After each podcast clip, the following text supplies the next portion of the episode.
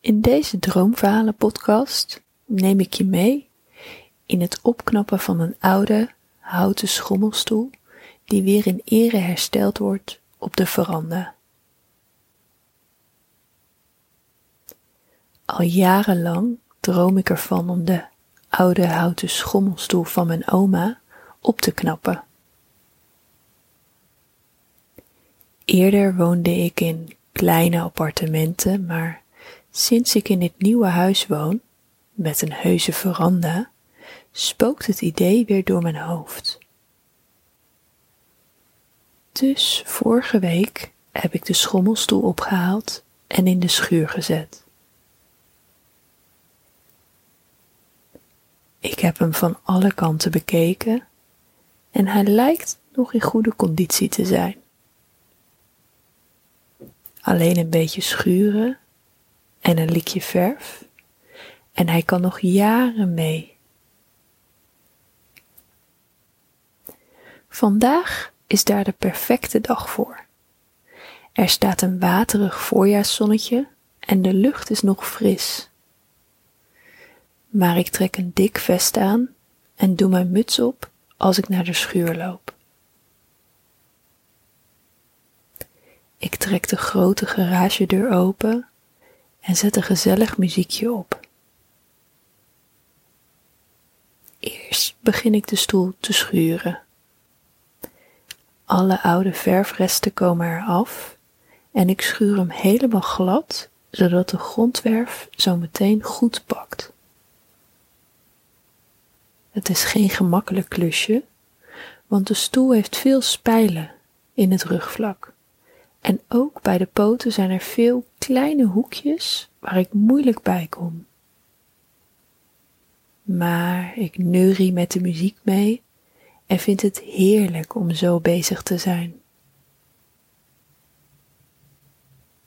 Ik klop het stof van mijn kleren en zie de deeltjes dwarrelen door de lucht, alsof ze aan het dansen zijn op de muziek.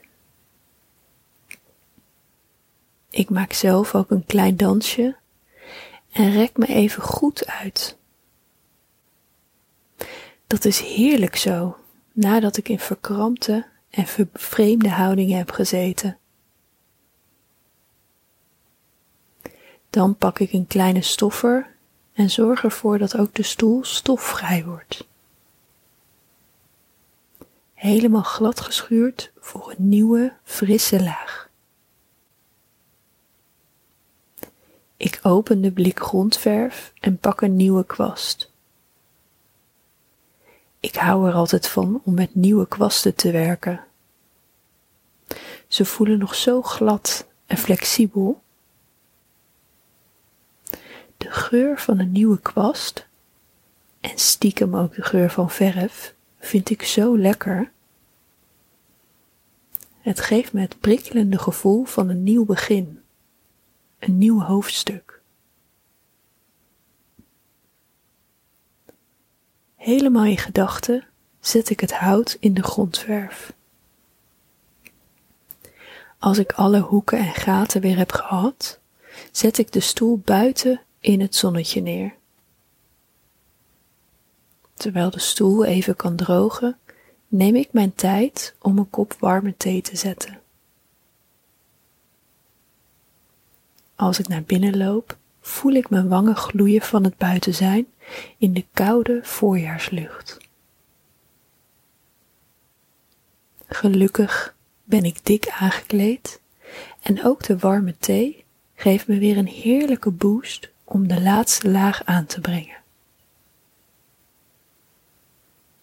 Voorzichtig voel ik of de eerste laag inmiddels gedroogd is. Maar daar was geen voorzichtigheid bij nodig. Het voorjaarszonnetje heeft namelijk hard gewerkt en de stoel is klaar voor de finishing touch. Ik draag de stoel weer naar binnen, de schuur in, en open een nieuw blik verf.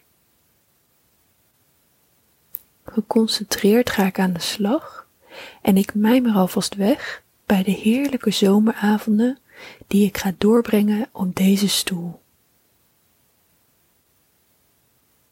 met uitzicht op de ondergaande zon vanaf mijn veranda.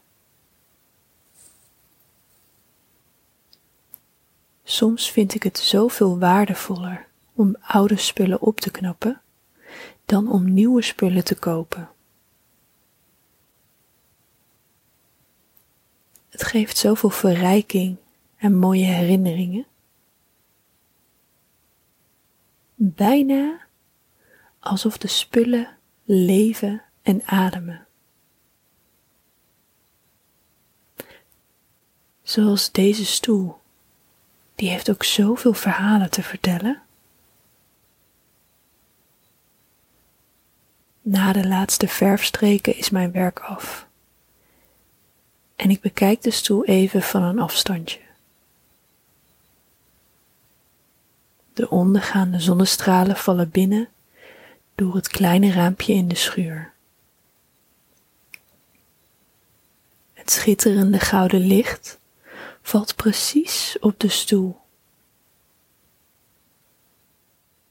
Het lijkt wel of oma er zelf bij is en ze haar stoel heel eventjes in de spotlight wil zetten. In gedachten zie ik haar weer inzitten, met een breiwerkje of een mooi boek. Ik kroop altijd zo graag bij haar op schoot als ze in die stoel zat. Samen schommelden we dan zachtjes heen en weer.